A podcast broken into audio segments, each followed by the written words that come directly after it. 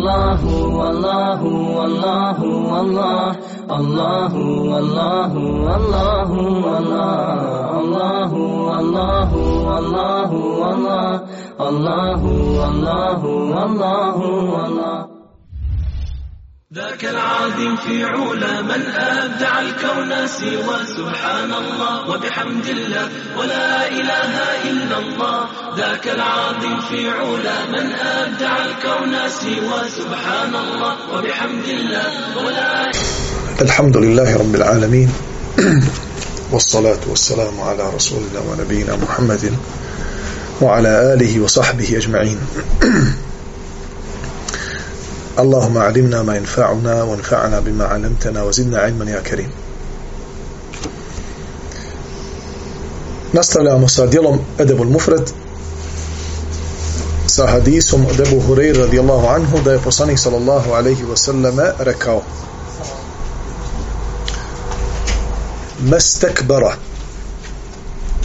من أكل معه خادمه وركب الحمار بالأسواق واعتلق الشاة فحلبها Poštovana braćo i cijene sestre. Allahu poslanik alaihi salatu wasalam nekim hadisima nas je uputio na određena djela. Dok drugim hadisima nas upućuje na određene principe kojih ako se budemo držali ogrnut ćemo svoj moral islamski moral. Jer islam ne negira da postoji opći moral opća disciplina lijepog ponašanja kod ljudi pa makar i ne bili muslimani. O tome govori Allahu poslanik alejhi salatu vesselam i to potvrđuje kada kaže bu'ithtu li utammima makarim al-akhlaq poslan sam da upotpunim lijepe čudi znači postoje lijepe čudi ja sam poslan da ih potpunim. Da u njih unesem ljepotu iskrenosti prema Allahu. Kad nešto radiš da radiš u ime Allaha. Jer djelo koje je u ime Allaha ono je mnogo berčetnije od dobroga djela koje nije u ime Allaha. Poslan sam da upotpunim lijepe čudi da ljude da ljudi znači kulminiraju, u moralu jer svako će hm, svako će biti dobar prema onome koji je dobar prema njemu neko je prema tebi blag darežljiv ima obzira e, sjetite se ok, sa poklonom sa telefonskim pozivom, sa porukom. Sa... Nije teško prema takvoj osobi uzvratiti slični. Ali Islam ide još dalje. Islam ide ka tome da usavrši ljudski moral. Da čak i onaj koji ha, prema tebi nepravdu učini da ti budeš dobar žanju. To je stepen ihsana. Stepen pravednosti. Stepen pravednosti u islamu je ona zadnja linija ispod koje ne možeš. Ne smiješ biti nepravedan. Ali možeš biti pravedan da ako neko nije brižan prema tebi, da i ti kažeš, mi ću ja da budem brižan prema tebi. Ako neko nije kad te poselami nije nasmio, nije tebi, e, nije ti naređeno da moraš prema njemu da budeš brižan, ljubazan, nasmio. ali stepen ihsana koji je i tekako a, deređa gdje Allah poslanik alaih salatu wasalam kada pojašnjava šta je iman, šta je islam, šta je ihsan, šta je dobročinstvo, šta je vrhunac vjere u Allaha dželešanuhu spominje deređu ihsana dobročinstva. Da prema svima budeš dobar. Pa kaže uzvišeni Allah u suri al-Fusilet idfa billati hi ahsan. Ti najbolje na najbolji način uzvrati kome? Onome koji također prema tebi dobar? Ne jer kraj ajeta objašnjava šta Allah Đalešanuhu želi s ovim ajetom da kaže kaže fa idha bejneke u wa bainahu adawatun ka'annahu waliyyun hamim pa ako između tebe i njega postoji neko neprijateljstvo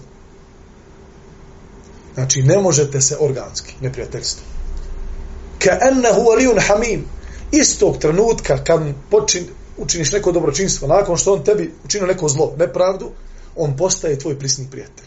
Ne može on preći preko toga. To je kod. Allah Đelešanu je nas takve stvari. Spušta glavu u istom momentu. Ali on tebi uradi neku nepravdu, ti kažeš sad ću ja stepencu više. Pa onda on stepencu više. Do nedogleda. Ljudi su spremni to i prenijeti na sljedeće generacije. Tako da nas Islam uči određenim principima. Pogledajte, princip kako da se ne, ne uzoholiš. Oholost je veoma pokuđena stvar u islamu. Do te mjere da je vjerodostojno došlo od Allahov poslanika, ali salatu wasalam, da je rekao neće osjetiti miris dženeta ko u svom srcu bude imao koliko grušicu oholosti. Hadis vjerodostojno. Oholi ne mogu dženet. Allahov poslanik, ali salatu wasalam, nam daje princip o moji sljedbenici evo kako ćete se sačuvati u oholosti. Kaže, nije se uzoholio ili ne, neće se uzoholiti onaj sa kim objeduje, jede njegov sluga. Ti si gazda firme. A? Vlasnik si neke ogromne firme, kompanije. Vodiš neki biznis. Pitaš se za nešto. Brate moj, to su sve faktori koji, koji su e, koji potpomažu čovjeka da se uzoholi. Potpomažu ga. Znači daju mu ajšpric da postaje ohol. Kaže alihi salatu wasalam, nema nikakvih problema da ti budeš, da se za nešto pitaš, da ti ispod sebe imaš radnike. Nema problema, ali da bi se sačuvao oholost, jedi sa njima. Primjer nam navodi Allah poslanik. Druži se sa njima. Sjedi na isti nivo. Ne moraš non stop pa da onda radnik za, za dvije sedmice opaliti klimpu. Znaš. E, Kaj je si jarane kr? Znaš ono kao sad smo mi babi ne ja između ali jedi sa njima. Pokaži i to braćo moja kada danas vidite e, e, ljude da uzimaju ogromne pare od, odakle su oni uzeli te, te principe? Na zapad određeni psiho, znači, psiholozi dođu im milijarderi milioneri im dođu. Kažu, ja sam gotov. Znači, pun sam para, ne znam, sve mi ide u životu. Ali ja duševno sam, nema me. Znači, razmišljam o tome da završim svojim životom. Ako imate vremena, otiđite pa pogledajte neke studije. Vidjet ćete da su većina tih studija zasnivani na islamskim principima. Šta im prvo kaže? kaže uključi se u humanitarni sek sektor. Pomaži ljudima. I vidite za noć milionera koji dojuče se u zamagljenim džipovima vozu nedodirljiv. Jedan ono čovjek hoda sa par ljudi i dijelu im siromasima odi u Afriku tamo. Ono, ono, ono djecu crnu stavi na krilo hrani. Šta, šta je to? Nekoga na savjetu kako da ostane živ kako da malo oživi svoju dušu umrla od dunjaluka. Uzoholila se. I onda krenula. Nije Allah zato stvorio. Krenula da se, da se buni. Dobila karcinom. Umire duša. Tijelo ne može da obstane. Pa nam Allah, poslanik alaih salatu wasalam, kaže, neće se uzoholiti onaj ko jede sa svojim slugom. I neće se uzoholiti onaj, kaže alaih salatu wasalam, u svome dobu, onaj ko jaše magarca kroz pijacu. Znači, budi običan čovjek. Budi običan čovjek. Otiđi na pijacu. Otiđi u supermarket. Idi u potrebu svoje porodice. Nemoj da te bude stid. Ponesi sam. Kada su Ali radi anhu, anu, koji je Amidžić Allahov poslanika, ali status. Prvi mladić u islamu.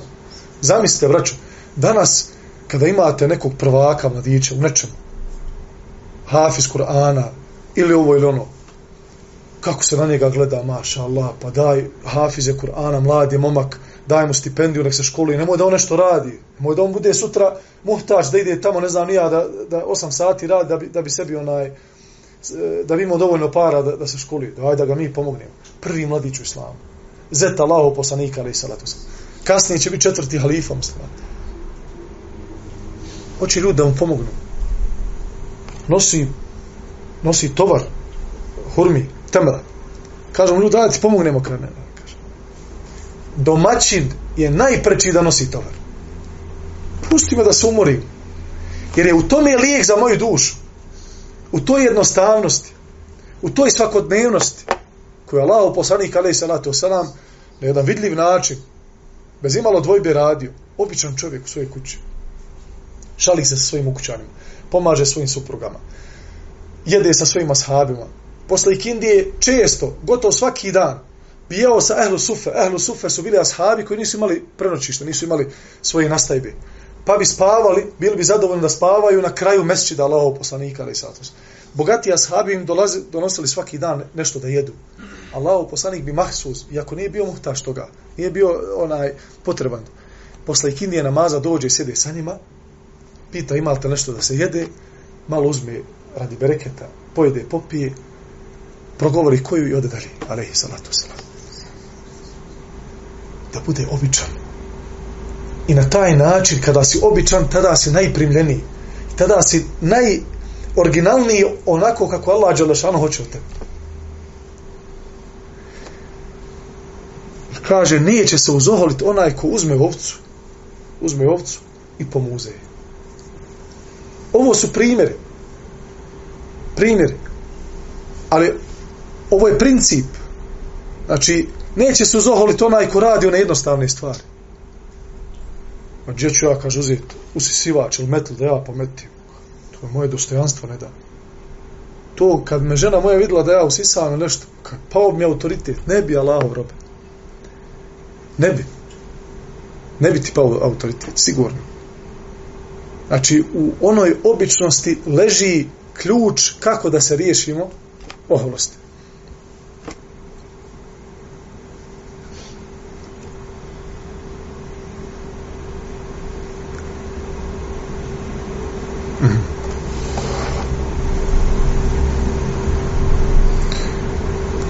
Također, e, sljedeći hadis koji je vredostan od Ebu Sa'id al-Hudrija i od Ebu Hurir radijallahu anhu e, nam prenosi e, riječi Allahu poslanika alejhi salatu wasalam koje su upozoravajuće. Koje su upozoravajuće e, za one i prijete onima koji se ohole. I kaže sallallahu alaihi wasallam da je Allah Đerlešanuhu rekao znači kuci hadisu ponos ponos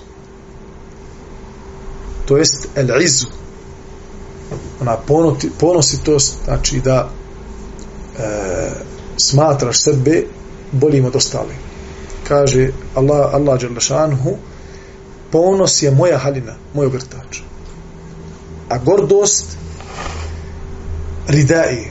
Znači ono što sam ja od, odnijeo znači kao ogrtač kao, kao džube. Pa kome bude oponašao bilo čemu od toga azabtuhu. Ja ću ga kazniti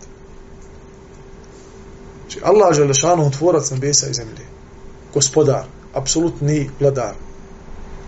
Silni, gordi, milostivi onaj koji obdržava kosmos koji je stvorio sve živo i koji kada kaže za nešto kun fe je kun, budi ono biva on jedin ima pravo da se oholi. Jedin ima pravo da ponosno bude iznad svojih robova i da bude samo onako kako on želi. Samo onako kako Allah Đalešanuhu želi, tako će biti. Pa makar ne bilo pravo ljudima. Pa makar nešto prezirali od onoga što Allah Đalešanuhu hoće, onako će biti i ne mogu se ljudi suprostaviti to. Ali ako neko od robova uzme te osobine i želi da oponaša Allaha Đalešanuhu u, u tim osobinama, Allah će ga ne bez imalo sumnje kazniti, jer su to, jedin, jer su to jedinstvene osobine koje je dolikuju gospodaru svijetu. Ko smo mi da se oholimo? Ko smo mi da smatramo da smo, da smo bolji od ostalih ljudi? Pa obični virus, obična bakterija. Koliko smo se puta razbolili od kako smo se rodili? Ko je od nas vidio, pa makar pod mikroskopom, tu bakteriju koja nas stalno napada? Ja je nisam nikad vidio. Ili taj virus koji uđe u nas i razara, to jest hara našim tijelom, ne možemo ništa. Legneš, boli te glava, tijelo ti trni, dobiješ temperaturu, da ti donesu najslađe jelo. Ili najslađe piće. I najukusnije jelo pod nebeskim svodom i da ti kažu bujru, ti nemaš apetita. Šta te napalo? Nešto što ti ne vidiš golim oko. I ne možeš da mu se suprostaviš.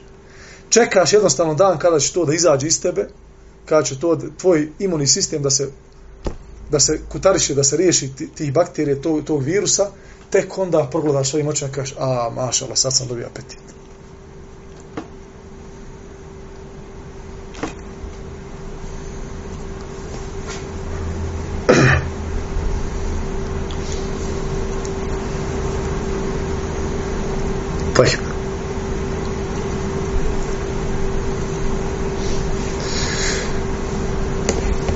Također ovaj hadis je vredostojan a bilježi ga imam Buhari i Muslim. Od Ebu Hureyre radijallahu anhu da je poslanik sallallahu alaihi wa sallam rekao ihtasametil džennetu on nar. Posvađali se džennet i džehennem. Pa džehennem reče u mene će ući drski i oholi a džennet reče a u mene će ući slabašni i siromašni. Pa je tada Allah Đelešanu rekao džennetu ti si moja milost koju darujem kome hoću. A onda se obratio džehennemu i rekao ti si moja kazna kojom kažnjavam koga hoću i oboje ću vas napuniti. Salam.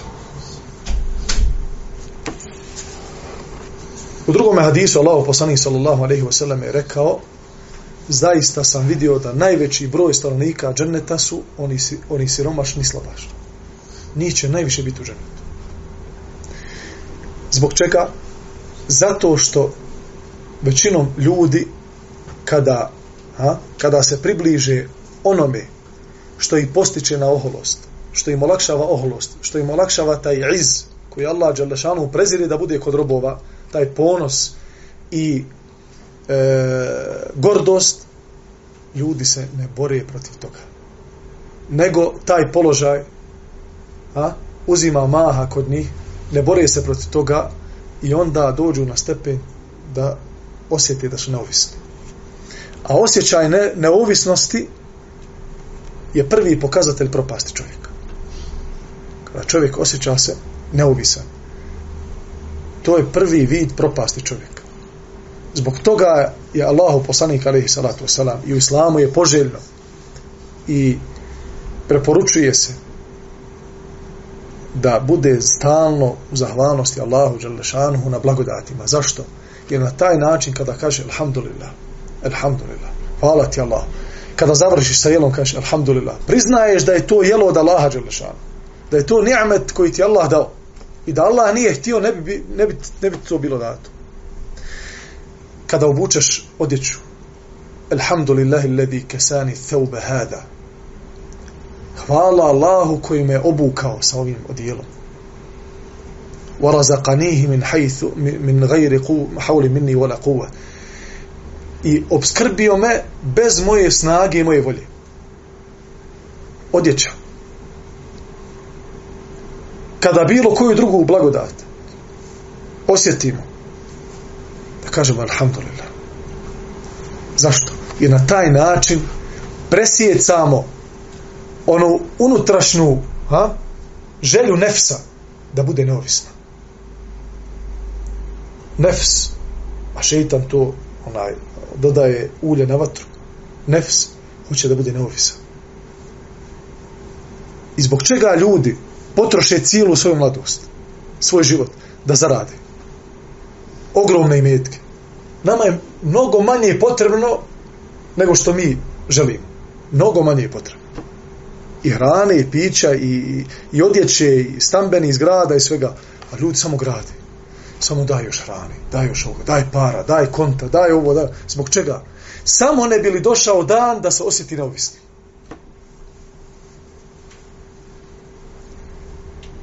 Ali taj osjećaj neovisnosti, braćo moja, vara. Kako ćeš biti neovisan, Allah te stvorio.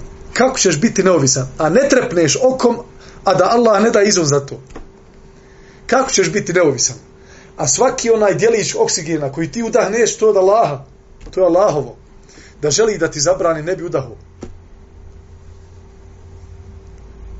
Znači, postizanje neovisnosti je nemoguća misija, jer si rob. A kad si rob, imaš vladara, a kad imaš vladara, on se pita za sve. Pa onoga trenutka kada tvoj iman bude toliko velik, da osjeti prisutnost, znači da, da je prisutno kod tebe, prisutna svijest, da Allah Đelešanu bdije nad tobom i da te vidi i da te čuje u svakom trenutku i da zna sve o tebi i da zna ono što kriješ svojim prsima i želja za njegovim zadovoljstvom, onda ćeš postići stepen koji, kada bi ti se onda nudilo pravom iskreno Allahom robu, robe, hoćeš li da ostaneš u ovom stepenu zahvalnosti, u ovom stepenu imana, za zadovoljstvo Allaha sa tobom i zadovoljstva tobom sa Allahom, hoćeš li to ili da postaneš neovisan, da, da se ni za šta ne pitaš, iskreni rob bi prvo ovo izabrao. Jer bi se lepše osjećao da bude u vezi sa Allahom i da bude ovisan o Allahu, nego da postane neovisan, da se samo sebi brine.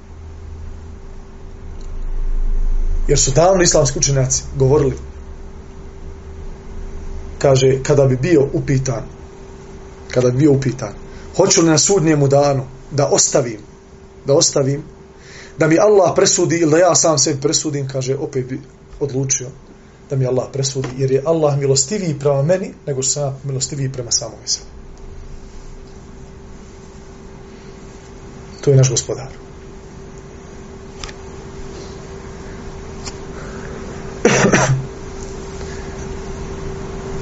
Čak i u džennetu, priču. Da Allah Đelešanu kada kaže i tu je postaje diskusija oko tog kuranskog ajeta gdje Allah Đelešanu kada kaže da će uvesti one koji ne vjeruju a, u džehennem. Halidine fiha ma dameti samavatu wal ardu illa ma ša'a rabbuk. Ostaće u vatri nevjernici sve dok je nebesa i zemlje. Vječno osim ako neće drugačije tvoj gospodar. Pa ovdje ima diskusija stara kajdska diskusija između islamskih učenjaka da li će, da li će stanovnici džehennema nevjernici ostati vječno u džehennemu ili neće. Postoji diskusija. I ta diskusija je jasna. Postoje 12 hadisa koji govore o toj tematici da neće džehennem ostati vječan, da će jednog dana se ugasti džehennemska vatra, da će jednog dana klepetati džehennemska vrata, onako prazna, promahaće, ali svi sti hadisi da ih nema nijedan vjerodostan. Dobro, ta diskusija se zatvara. Ali Allah Đelešanu kada kaže za stavnike dženneta, stavnike dženneta, da će ući vječno u džennet. I nema tu diskusije, hoće li ostati vječno u džennetu ili neće, nema diskusije. Ali Allah Đelšanom kaže, halidine fija ma dameti samavati wal ardu illa ma ša'a rabbuk. A ta en gajra.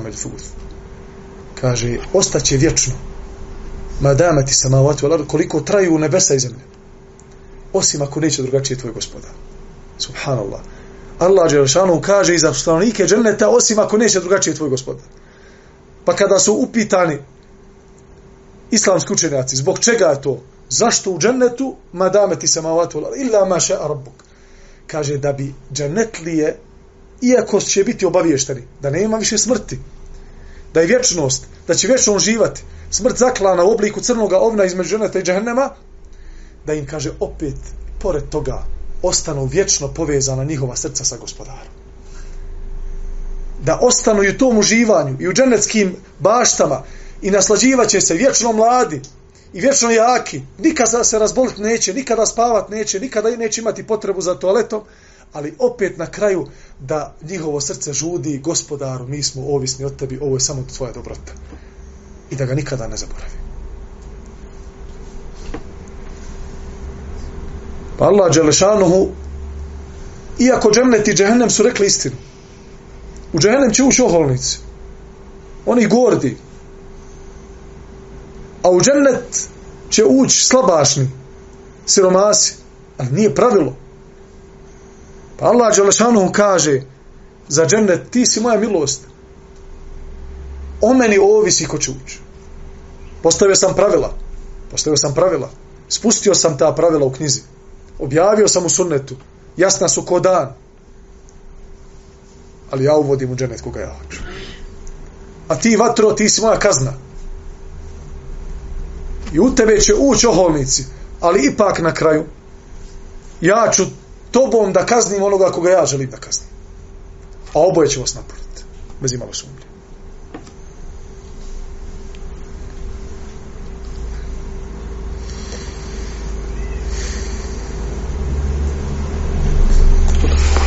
Od Ebu Seleme Ibn Abdurrahmana se kaže, prenosi se, kaže drugo bi Allahu poslanika, alaih salatu wasalam, nisu bili škrti i nisu bili tromi od ibadeta. Znači, ashabi, braćo moja, prije svega imali su osobinu darežljivosti. Znači, ko bi se približio ashabima, osjetio bi ljepotu njihovog islama. Osjetio bi darežljivost. Ako ne bi neko od ashaba imao nešto u džepu da ti dadne, dao bi te lijepu riječ. O kelimetu tajibetu sadaka, kaže sallallahu alaihi wa. Lijepa riječ je sadaka. Pa kaže, ne možeš da progovoriš, umoran si, došao s posla. Kaže, o tebe sumu kefi ođi ahika sadaka. Nasmiji se, brate muslimani. Ne moraš se nasmijat gruhotom. Osmije. Da malo pomiriš mišiće prema gore, to ti je sadaka. Takvi su bili ashabi. A kaže, u ibadetu nisu bili tromi. Što znači da su malo sportski bili, tako? Nisu bili tromine. Sam se 160 kila. Ne može, nema on jaran, on dok, dok se podigne na svoje ruke, to je, to je proces živi. Znači, nisu bili poznati po tome. Znači da su držali do sebe. Kaže, često su znali na svojim sjelima citirati stihove i prisjećati se vremena i džahilijeta. I smijavali se džahilijetu. Prisjećaš se, kaže, kad smo bili na tom i tom mjestu. Pa se sjećaš ovoga, pa onoga. Znači, kada zamišljamo ashabe, to su bila kompletna bića. Najbolja generacija muslimana, ljudi koji kada se dotaknu boli, kao i mi, isti, imali porodicne živote, imali ahbabe, s ovim je dobar, ali s ovim više voli da se, da se druži. Imali prisni prijatelje, imali svoju braću i tako dalje. Znači, bili poput nas, s tim da ono što je njih krasilo, da ono što su znali od islama, to su praktikovali. I to je ona jednostavna vjera koja je ukrašavala prvu generaciju muslimana. Nema tu plavu filozofiju. Kaže meni jedan, ja kaže ne volim to vaše, kaže to sunecko. Onaj, kaže, kod vas je vjera previše jednostavna. Kaže, ja volim malo to da je zapetljano. Ono, Rekao, Allah te pomogu, ali to zapetljano, onaj, nije sigurno put, put Kur'ana i sunneta. Jer Allah, Đerlešanuhu, spušta govor. Poslanik, sallallahu alaihi ve selleme poslanik, jednostavnim jezikom govori jednostavnim jezikom, da ga svi ljudi razumiju.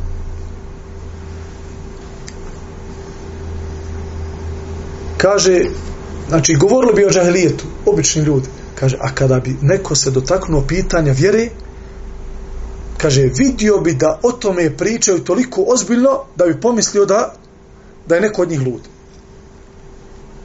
Znači, nema tu šale u vjeri. Da se ne, ne neki hadis, pa ha, ha, ha, ha. Ne, ne, vjera je vjera. Ali, da li su ashabi govorili o ovom naučkim temama? Da li se smijali određenim temama? Da li se znali našalt međusobno? Da li se znali prisjet starih vremena? Znali su. Da li su znali jedan drugog da zezaju? Jesu. Jedan je ashab onako bio sklon da kad prođe pored žena da im dobaci. Nisu bili isti.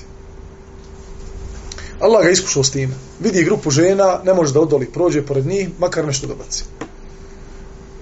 Jednoga dana, kad su krenuli na neko putovanje, vidio grupu žena kako sjedi, pogledao ih, vratio se, promijenuo dijelo, malo se bolje sredio i otišao sjeo u blizini i počeo da citira neke stihove. Da skrine njihovu pažnju.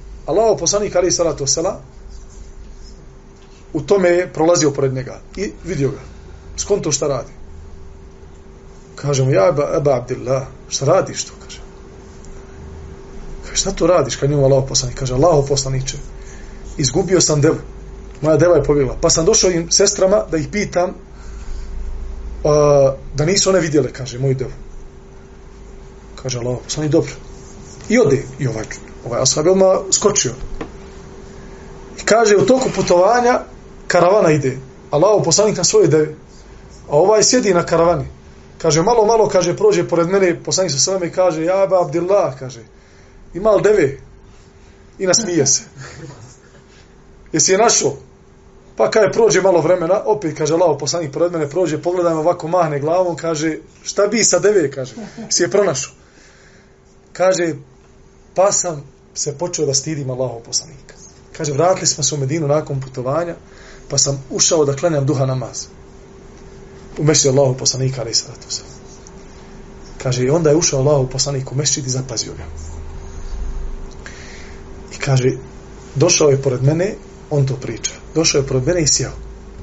A ja kaj klanjam duha namaz.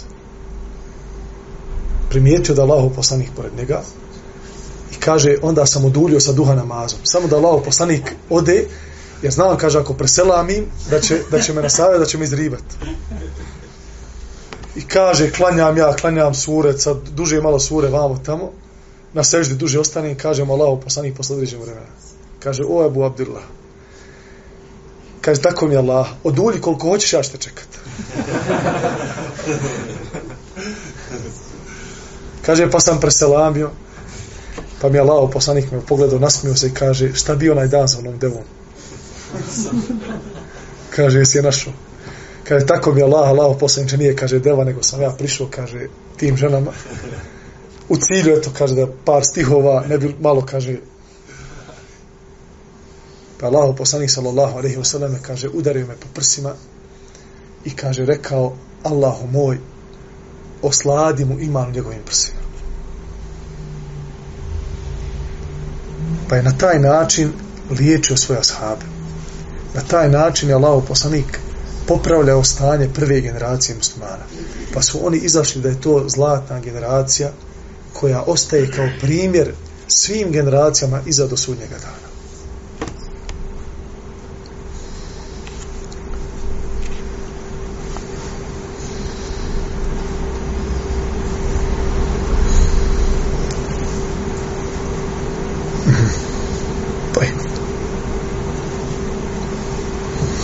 I navešemo posljednji hadis u ovome poglavlju, pa ćemo ostaviti naredno poglavlje koje se zove osveta za naredno predavanje za Allahovu pomoć od Amra ibn Asa radijallahu anhuma. Se prenosi da Allah poslanih sallallahu alejhi ve sellem rekao na sudnjem danu oholi će biti proživljeni u ljudskom liku ali u veličini malih mrava. Biće poniženi i povedeni u džehennemski zatvor koji se zove Bu'les. Ponad njih će biti ogromna vatra i bit će pojeni smrdljivim gnojem stanovnika vatre. Ovaj hadis nam govori o jednom od stanja u kakvim će biti stanjima sve stanovnici vatre, džehennema.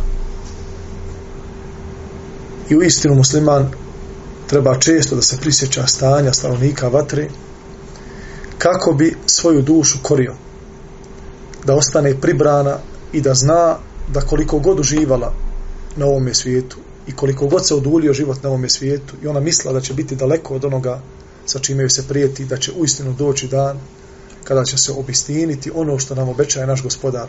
Po onaj ko uradi dobro vidjet će dobro a onaj ko uradi zlo neka ne krivi nikoga drugog mimo svoje pokvarene duše. Akulu qavli hada wa astagfirullahi li walakum subhanaka Allahum hamdika šadu la ilaha ila anta astagfiruka wa atubu ilaike wa baraka Allahu fikum.